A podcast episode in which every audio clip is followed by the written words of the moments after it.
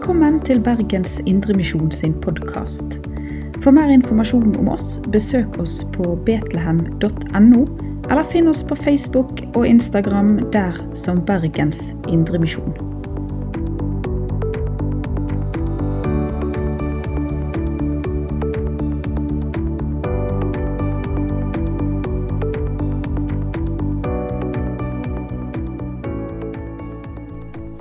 Takk for det du allerede til nå i dette møtet har fått minne oss om.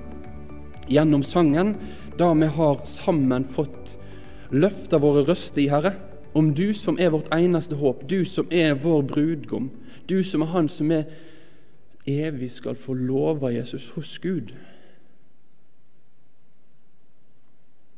Herre, vi ber deg om at du denne søndagen òg kan få vise oss vår avhengighet av deg. Og at du òg kan få vise oss ved din ånd at du, Jesus, er sånn som du har sagt at du er. At du er vårt håp, men ikke et utrygt håp, ikke et usikkert håp, ikke et mulig håp, men du er et trygt håp, et levende håp og et fast håp for den som kjemper, for den som strever, for den som er fylt av angst og uro. Så er du tilfluktsplassen, Jesus. Og Nå ber vi deg for det vi skal stoppe opp for ifra ditt ord, at de tekstene òg kan få være med og belyse for oss mer av både hvem vi er, og hvem du er. I ditt navn ber vi om det, Jesus. Amen.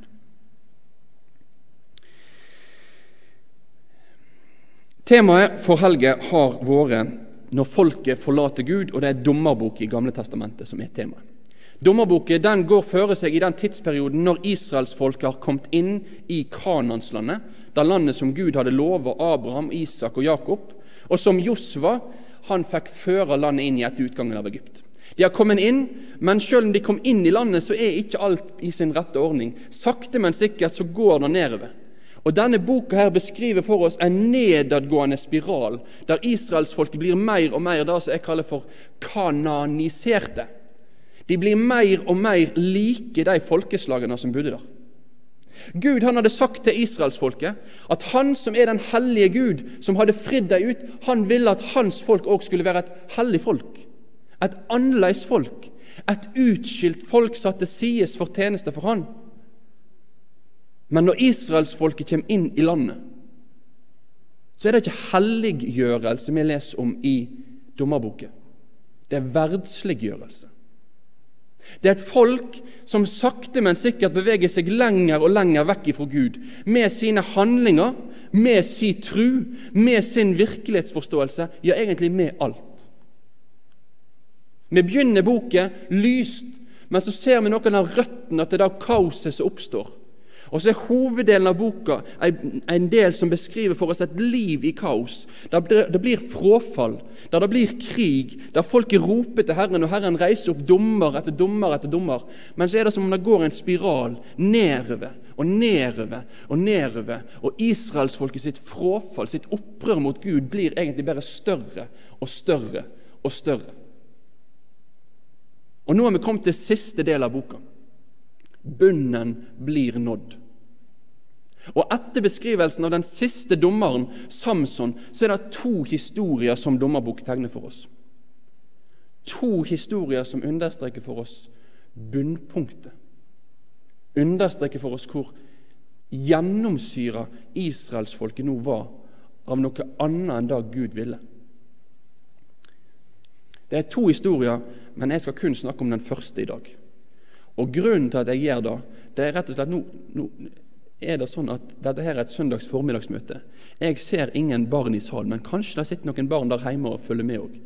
Og den aller, aller, aller siste historien i dommerboka, den er så brutal, så blodig, så kald at det er ikke akkurat familiemøtepotensial på det, tenker jeg. Så vi skal stoppe opp for den historien før. Vi kan godt snakke i lag etterpå om den andre historien hvis noen vil prate om den. Men vi skal ta den nest siste historien. De to historiene. Den aller siste handler om det moralske bunnpunktet. Den nest siste det handler om det religiøse bunnpunktet for Israel. Det er en historie som står i Dommerboka, kapittel 17 og kapittel 18. Vi kan begynne med å lese de første versene. Jeg kommer ikke til å lese alt, jeg kommer til å gjenfortelle mesteparten av historien. Men vi leser nå Dommerboka kapittel 17 og vers 1 til 6. I Efraimsfjella bodde det en mann som het Mika. En dag sa han til mor si:" De 1100 sjekel sølv som var tekne fra deg, jeg hørte sjøl at du uttaler forbanninga. De pengene er hos meg. Det er jeg som har tatt deg. Mor hans sa, Herren velsigne deg, sønnen min. Da han gav de 1100 sjekel sølv tilbake til mor si, sa hun, Jeg helger disse pengene til Herren og gjev dem til sønnen min for å få laga et utskåret gudebilde og et støpt bilde. Nå gjev jeg dem tilbake til deg. Han gav pengene til mora, som tok 200 sjekel og ga dem til en gullsmed. Han laga et utskåret gudsbilde og et støypt bilde. De sto sidene i huset til Mika. Mika hadde et gudshus. Han hadde laga en efod og noen terrafer og satt en av sønnene sine til å være prest for seg. I de dagene var det ingen konge i Israel. Hver gjorde som han sjøl fant for godt. Amen. Sånn begynner denne historien her. og når jeg las den historien, så kan det godt være at du satt og tenkte Du sa at dette, var, dette var liksom bunnpunktet i Israels historie. Dette er liksom så langt ned som du kommer. Og så hører jeg disse versene og så tenker jeg at ja, men da, da virker det ikke være så dramatisk. Det var en fyr som bodde oppe i fjellene, og så hadde han stjålet noen penger fra mora si. Men de snakket jo om Gud. De, de, de, roper jo på Herren. De sier jo 'Herren velsigne deg'. Så dette kan jo ikke være så voldsomt, kan det da? Vel, saken er at denne historien her, den beskriver for oss hvordan israelsfolket nå i sin religion har enda opp med en blandingsreligion. Vi begynner oppe i fjellandsbyen her hos denne Mika. Da er det alltid viktig å presisere når vi møter et bibelsk navn, som vi også kjenner igjen andre plasser i Bibelen, så er ikke dette den samme Mika som er profeten Mika. Profeten Mika har en bok senere i Bibelen. Han var en gudfryktig mann som talte Herrens ord. Denne Mika han var mest opptatt av å gjøre det han sjøl ville. Han har først stjålet penger fra mor si, og vi begynner allerede her å se at det er noe gale. 1100 shekel sølv, det er litt over et kilo, kanskje 1,5 kilo sølv. Det, det, er jo ikke sånn en vanvittig mengde, men det er jo en god del likevel. Men han kommer til mora med pengene og sier at 'jeg har tatt dem fra deg'. Og Så skjer det da at mora sier 'Herren velsigne deg', nå skal vi ta og bruke dette her, og så skal du bygge et gudebilde.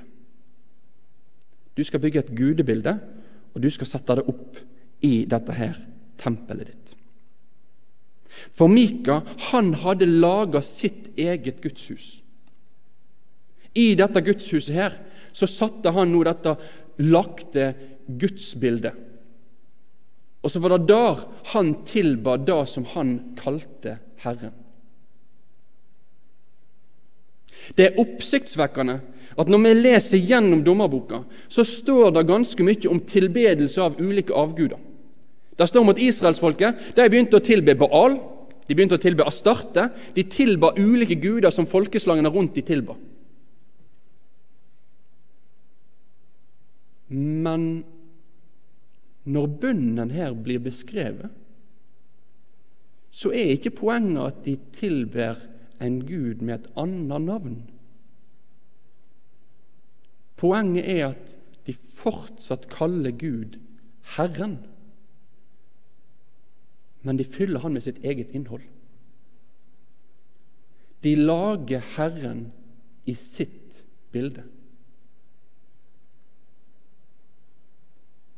Helt grunnleggende i det Gud hadde sagt til israelsfolket. Så hadde han sagt det skal ikke andre guder enn meg. Og så hadde han sagt at det skal ikke lage noe gudebilde, noe etterligning av hvordan jeg er. Og Israelsfolket hadde lært dette her på den harde måten. Det skal ikke gjøre det. De hadde prøvd å bygge en gullkalv, og når de bygde gullkalven, hva gjorde de da?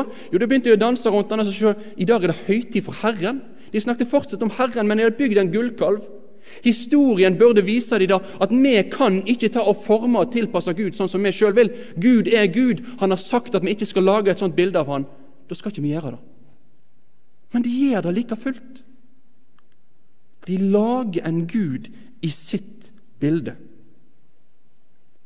De lager en Gud sånn som de sjøl vil ha han. For rundt de, alle disse folkeslagene rundt omkring, de hadde synlige, konkrete guder og gudebilder som de kunne legge ned litt røykelse framfor. Så de kunne ofre litt mat framfor. Så de kunne gjøre ulike ting med. Så ser det ut som israelittene begynner å tenke at sånn skal vi òg gjøre.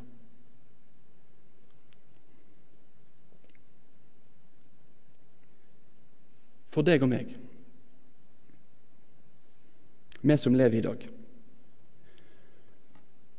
Hvordan er dette aktuelt for oss? Hvordan er dette aktuelt for vår hverdag og for vårt forhold til Herren?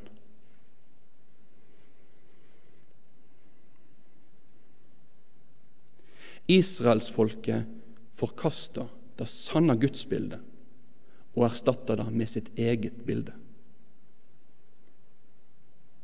Og den utfordringen den er like aktuell i dag òg. Et sant gudsbilde er under press.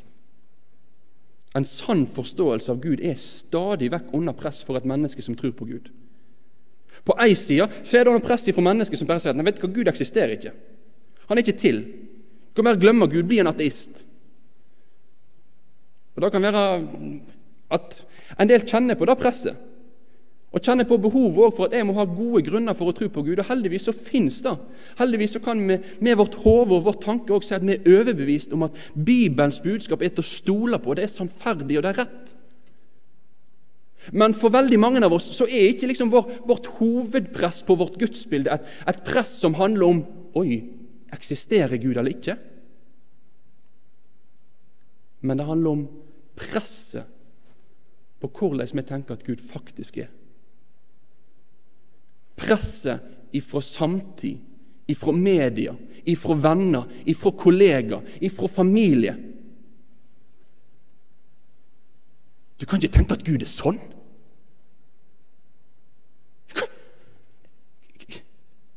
Hva, gammeldagse tanker er det du har, da? Ærlig talt, du kan ikke mene det der. Nei, min, min, min Gud er ikke sånn. Min Gud er ikke sånn.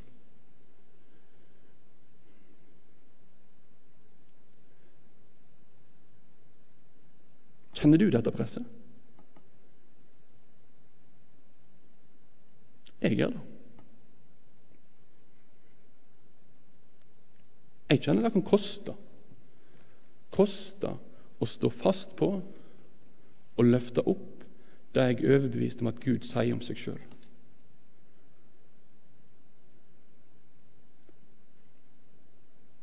Men Gud har sagt det.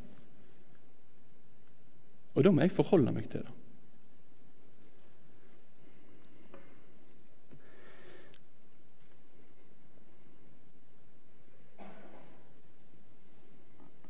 Presset på vårt gudsbilde handler kanskje ikke i første rekke om den delen av beskrivelsen av Gud som kan være eh, som kaller det sosialt akseptabelt. I vårt eget liv så kan vi kjempe med spørsmålet er egentlig Gud virkelig kjærlig. For at jeg ikke alltid jeg ser Hans kjærlighet, ikke opplever Hans kjærlighet. Men når jeg snakker med mennesker om Gud, så, så er det jo liksom ikke der skoen trykker på den måten om Gud er en kjærlig Gud eller ikke. De aller fleste, uansett liksom hvordan jeg tenker om Jesus, så har jeg aldri hørt en person som sier nei, vet du hva, min Jesus han er ikke så kjærlig. Nei, min Gud han er ikke sånn. Men det er når de sidene av Gud som egentlig stritter imot sånn som vi i vår tanke kanskje skulle ønske at Gud var. Det er da det kan begynne å koste.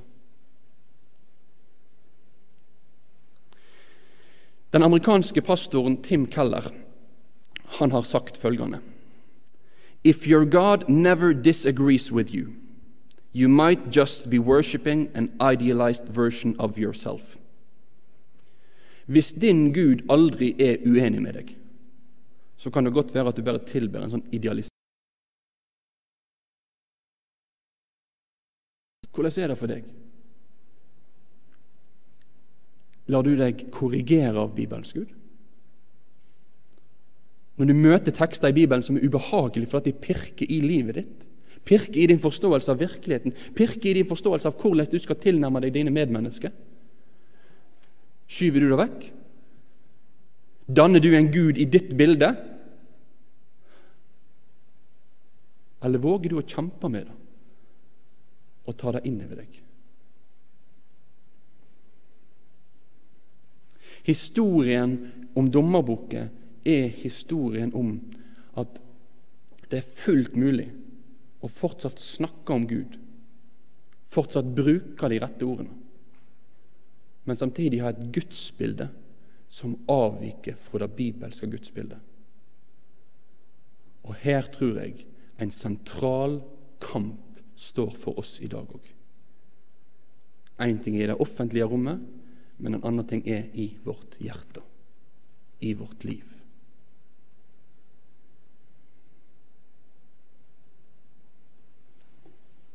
Gud har gitt oss sitt bilde i Jesus. Så jeg skal få gå til Jesus, og så skal jeg i hans ansikt virkelig få se hvordan Gud er. I stedet for at jeg prøver liksom å tilpasse og få en Gud sånn som jeg vil ha. Tilbake til historien i dommerboka. Historien fortsetter nemlig med at han her Mika, denne mannen oppe i fjellsida, han får en dag besøk, besøk, av en ung mann. En ung mann som kommer fra Betlehem. Og da kan du huske på Vi skal komme tilbake til Betlehem litt seinere. Kan du lure på hvorfor. Det er en ung mann fra Betlehem, en prest. Og denne Presten her, han kommer gående forbi, og nå så interesserer han her eh, Mika seg for en mann og sier at vet du hva, du må bli igjen her, for du er jo prest, du er av Levis stamme. Og Levis stamme det var de som hadde ansvar for tempeltjenesten i Israel. Nå så vil da Mika at denne levitten han skal bli prest i heimen hans. Og levitten han slår til. Han ser på det som ei stor ære. Tenk at jeg skal få lov til å gjøre dette her. Og så blir han egentlig kjøpt opp av Mika, en korrupt liten prestetype. Og han begynner å gjøre sin tjeneste der. Og Så sier Mika noe veldig spesielt mot slutten av kapittel 17. Det siste verset i kapittel 17. Der sier Mika.: Nå veit jeg at Herren vil gjøre vel mot meg, siden jeg har fått en levitt til prest. Ja, nå veit jeg det vil gå bra med meg, for nå har jeg fått en rett prest. Her lærer vi litt mer om hans gudsbilde. Og Her lærer vi litt mer om dette gudsbildet som nå har skjena helt totalt av. Og Dette er ikke eneste gangen dette skjer i Gamle Testamentet. Gang etter gang gjennom Gamle Testamentet så ser det ut som at israelsfolket de havner opp i en forståelse av at hvis jeg bare har de ytre rammene på plass, ja, da er jo alt i orden med meg. En del hundre år seinere sitter de i Jerusalem, byen omringet av fiendene, men de sitter der og sier vet du hva, vi har jo tempelet, vi har jo denne bygningen som står her, dette går bra, ingen kan ta oss. At vi lever livene våre vekk fra Herren, at ikke vi vil ha med Herren å gjøre i hverdagen vår. Hvem bryr seg? Vi har jo tempelet. Og Nå er det egentlig det Mika sier her òg. Men jeg har, jo han, jeg har jo han levitten som prest. Da går det bra med meg. Jeg har jo de ytre rammene på plass. Hva skal Herren med hjertet mitt, da?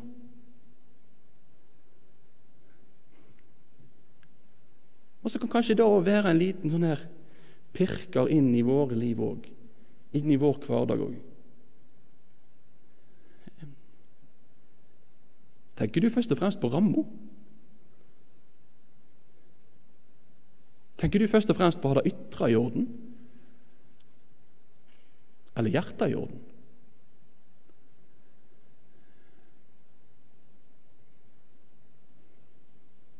Nå veit jeg det vil gå bra med meg, for jeg er jo medlem i Betlehem. Lykke til. Prøv å vise fram det medlemskortet på dommens dag. Ikke at en skal snakke ned medlemskap, men det handler om hva er det vi setter vår lit til til sjuende og sist.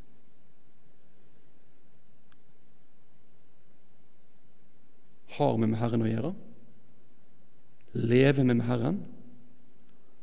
Eller har vi liksom bare ramma på plass? Jeg er bibelskoleelev. Se her, vitnemålet mitt ifra at jeg har gått på bibelskole Bildøy 2020-2021. Nå må du slappe meg inn. Lykke til. Det hjelper deg ikke. Det du lærer på bibelskolen, kan hjelpe deg veldig mye. For da får du lære om Han som er din redning og ditt håp. Men ramma Ramma redder ikke. Det er bildet Jesus. Det er Han som redder.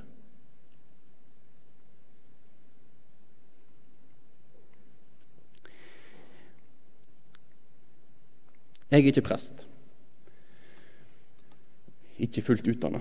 Jeg er prest på den måten at vi er alle prester, men Luther sa at alle kristne er prester, men ikke sokneprester. Så jeg er ikke ordinert eh, i den form for prestetjenester.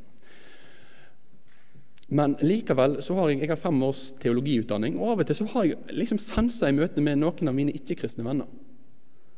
At når de, når de eh, liksom eh, er på godfot med Ingvald så kan det nærmest av, har liksom av og til sense at det virker som at ja, men hvis jeg er på godfot med Ingvald, da er jeg på godfot med Gud.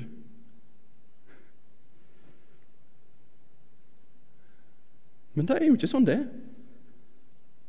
Kanskje det kan være sånn for deg med noen av dine kollegaer noen av dine venner, at du tenker ja, men jeg har liksom en kristen venn, så da er det jo greit. Så for oss som er kristne venner, for oss som er kristne kollegaer, for oss som omgås med mennesker som ikke tror på Jesus, så må vi huske på at det er ikke vi som kan redde dem, det er det Jesus som kan. Det er Han som er håpet. Historien fortsetter. Vi kan ikke gå mer inn på det som står i kapittel 17 nå, men vi går videre til kapittel 18. For I kapittelet etterpå så leser vi om at nå, nå har Mika han har etablert sin prestetjeneste der, han har gudshuset sitt, han har gudebildene sine, og han har presten sin. Men så er det ei stamme av israelsfolket som heter Dans stamme. Og De holder nå på å reise rundt omkring i området her. Israel består jo av, av de stammene som er etterkommere av Jakob sine tolv sønner. En av dem, Dan. De har ennå ikke funnet et landområde å slå seg ned i, så nå holder de på å finne ut hvor, hvor kan vi bo, hvor skal vi slå oss til ro. Og De begynner med å sende ut noen speidere, og disse speiderne de blir oppmerksomme på denne Mika og denne presten som bor oppe på fjellsida. Og Når de da etter hvert skal innta det landet som de tenker at de skal høre til, så stikker de innom. Så stikker de innom til Mika for å ta med seg presten og for å ta med seg gudebildet. Og det gjør de. De lokker presten og sier til han, Kom heller med oss og vær far og prest for oss. Er det ikke bedre for deg å være prest for en stamme og ei etter Israel enn for huset til en enskild mann? Det står i kapittel 18 og vers 19. Da ble presten glad. Han ble glad. Ja, tenk. Wow! At jeg får den æren av at de spør meg om dette her. Tenk at jeg får muligheten til virkelig å være prest for ei hel stamme. Han ser muligheten til makt. Han ser muligheten til posisjon. Han ser muligheten til en karrierevei. Han fortsetter, og han blir med dem. Og han tar med seg dette gudebildet her. Og etablerer nå et avgudstempel i den byen som Dans slekter slår seg ned i. Det begynte i starten av historien at han var en som fikk være med å føre én mann og hans familie vekk fra Gud. Men historien slutter med at denne presten her han blir egentlig en som fører ei heil slekt vekk ifra Herren. Prestene som skulle være veiledere. Han ble en villeder.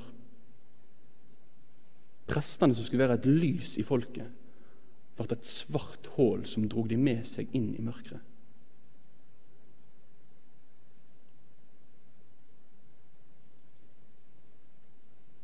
Sånn står det til i Israel på den tida.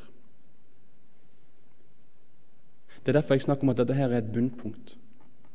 For her viser det at til og med de som skulle være lederne i folket, de er ikke ledere til å føre folk på gode veier, men til å føre dem på avveier.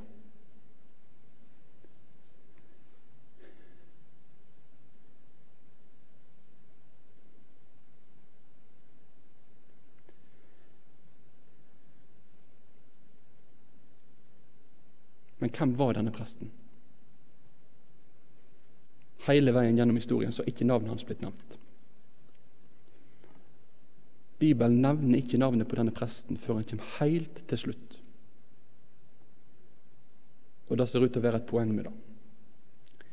Det ser ut som at det som dommerboka sin forfatter har å si nå, det er så sjokkerende at han venter. Det er faktisk så sjokkerende at gamle jødiske kilder, jødisk avskriving av dommerboken, har bytta ut dette navnet her i en del håndskrifter med et annet navn.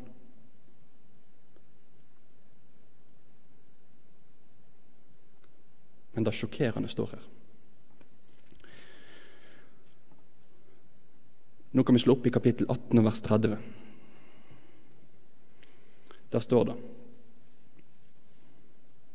Der setter de opp det utskårne gudebildet og etterkommerne av Jonathan og Jonathan sjøl, som var sønn til Gershom og sønnesønn til Moses, var prester for Danstammen heilt til den dagen da folket vårt bortført fra landet. Levitten heter Jonathan. Det er et gudfryktig navn. Det er et navn som handler om Herren som gir. Det ser ut som at hans foreldre har hatt et ønske og en tanke om at dette barnet her, han var en som skulle leve med Herren. Det kan være far hans, da? Det er en som heter Gershom. Men hvem var far til Gershom, da? Det var Moses. Den store profeten Moses den store lederen Moses som hadde ført israelsfolket ut av Egypt. Ingen hadde et etternavn som Jonathan. Ingen hadde ei så gudfryktig slekt som Jonathan. Ingen hadde en så stolt forhistorie med seg i bagasjen som Jonathan. Men barnebarnet til Moses førte folket på avveier.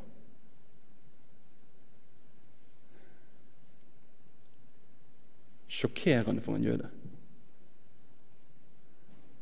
Og kanskje sjokkerende for oss òg.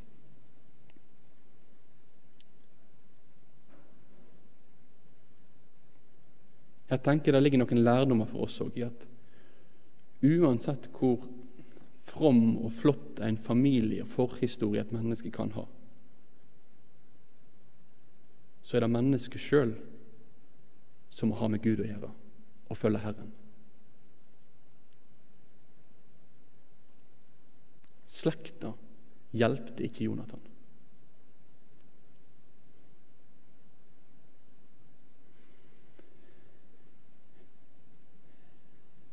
Det er en trist historie. En fæl historie og en historie som blir etterfulgt av en annen historie om en annen prest som ikke er noe bedre enn Jonathan i hele tatt. Det er en historie som beskriver for oss at israelsfolket er gjennomkorrupte, maktsjuke, har forkasta Guds vilje og bryr seg ikke mye om Han.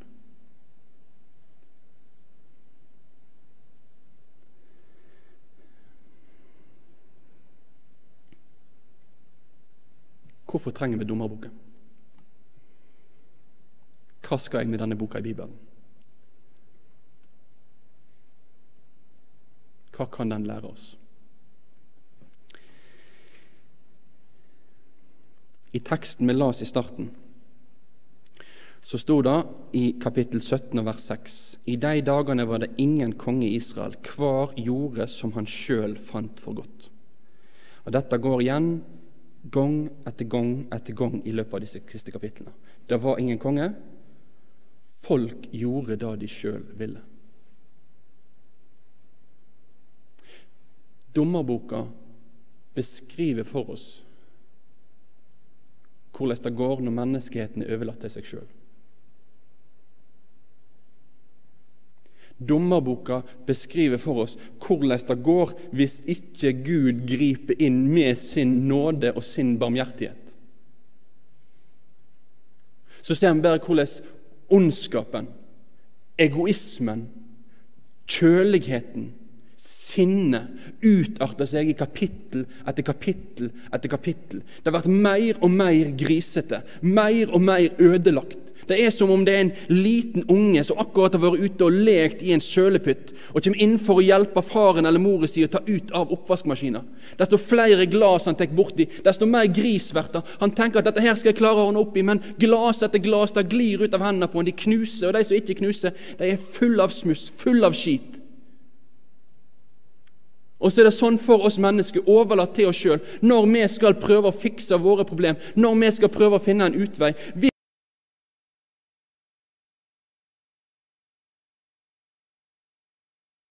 til sjuende og sist ei stor røre. Så er det mer og mer og mer skit. Så er det ingen utvei.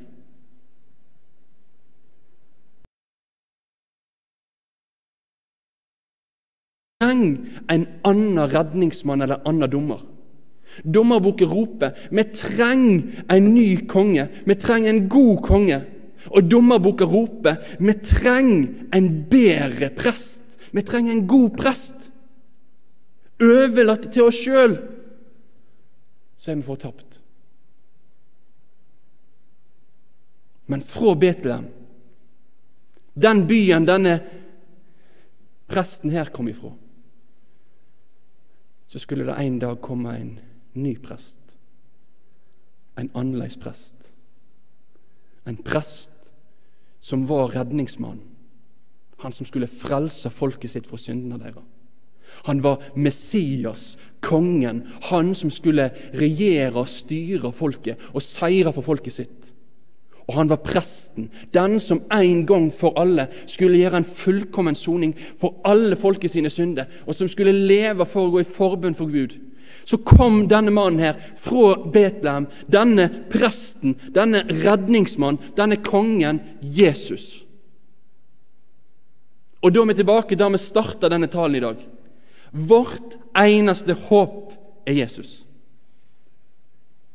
Vårt eneste håp i møte med livet er Jesus. Vårt eneste håp i møte med døden er Jesus. Vårt eneste håp i møte med alt er Jesus.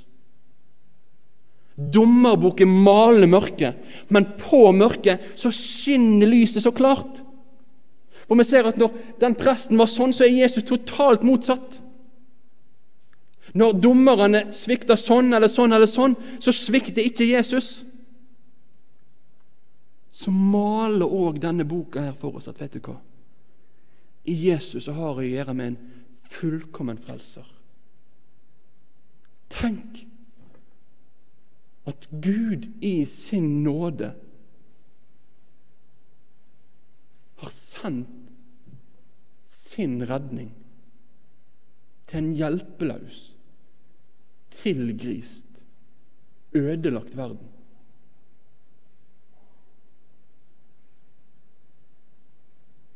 Til alle mennesker med ødelagte liv. Som kjenner på at Livet her er ikke sånn som det skulle vært, burde vært, kunne vært. Til alle som kjenner at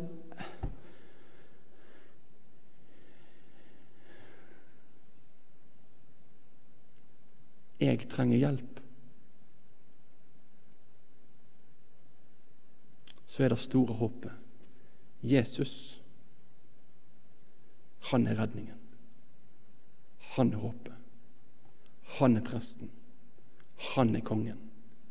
Han er dommeren. Det skal vi takke han for nå.